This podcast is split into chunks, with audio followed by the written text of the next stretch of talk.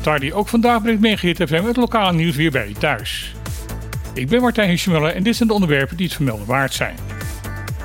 Tien jaar geleden nam hij het initiatief om een supermarkt op Bonaire te openen die de prijsslag met de dure grote supers op het eiland aanging. Het had succes. De grote jongens zoals Van der Tweel werden door het bestaan van supermarkt Bondigro gedwongen om de prijzen in hun winkels omlaag te brengen. Nu vindt Roland Schalker het tienjarige jubileum een mooie aanleiding om het stokje als directeur en mede-eigenaar over te dragen naar een ander.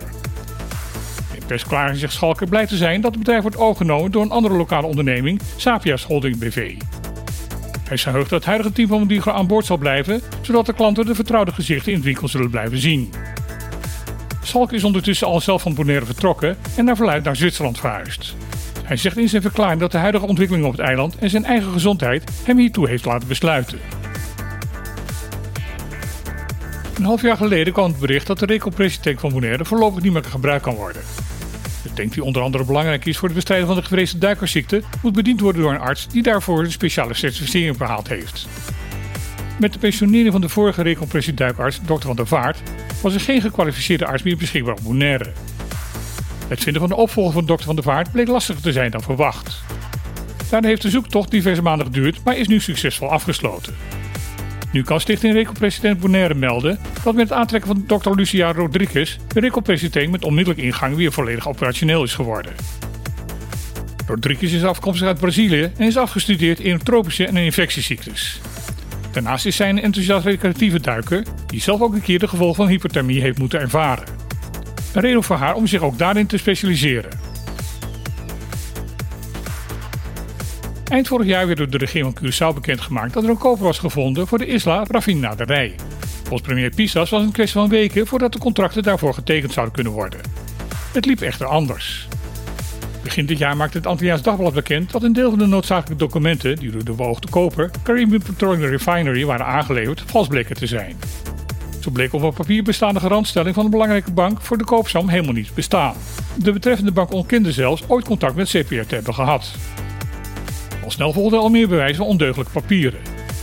De reactie van CPR was het uiten van bedreigingen tegen de personen die deze papieren naar de pers hadden gelekt. Daarna volgde een aangifte van valsheid in geschriften door de Centrale Bank van Curaçao tegen CPR. Na heel veel aandringen deed ook de regering van Curaçao aangifte. Het OM van Curaçao heeft nu gemeld dat deze aangifte, samen met anderen, voldoende aanleiding zijn om een strafrechtelijk onderzoek in te stellen. De advocaat van CPR zegt dit onderzoek met vertrouwen tegemoet te zien en ervan overtuigd te zijn dat zijn cliënten van elke blaam gezuiverd zullen gaan worden. Hij moest wel bekennen niet te weten hoeveel aangiftes er zijn gedaan en ook niet bekend te zijn met de inhoud van de aangiftes. De verkiezingsstrijd in Europees Nederland is begonnen. En dat betekent dat partijen opeens uitspraken doen die je anders van de betreffende politieke groepering niet zo snel zou verwachten. Zo ook gebeurt dat bij de BBB van Caroline van der Plas.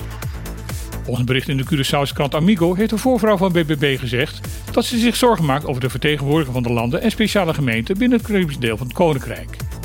Volgens haar zou het maandelijks overleg van de Europese Unie voor de minister van Buitenlandse Zaken een podium moeten zijn voor Caribisch Nederland.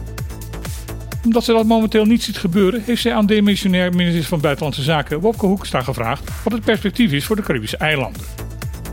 In antwoord zegt Hoekstra dat de Caribische landen en speciale gemeenten zeker aandacht krijgen tijdens het overleg. Als voorbeeld zegt hij dat er momenteel volop ingezet wordt op de klimaatproblematiek in het Caribisch gebied. Daar vertelt de minister niet bij dat deze problematiek tot voor kort volledig genegeerd werd door de Haagse regering. Pas na het verschijnen van een alarmerend rapport van Greenpeace werd dit onderwerp aanzet op de politieke agenda gezet.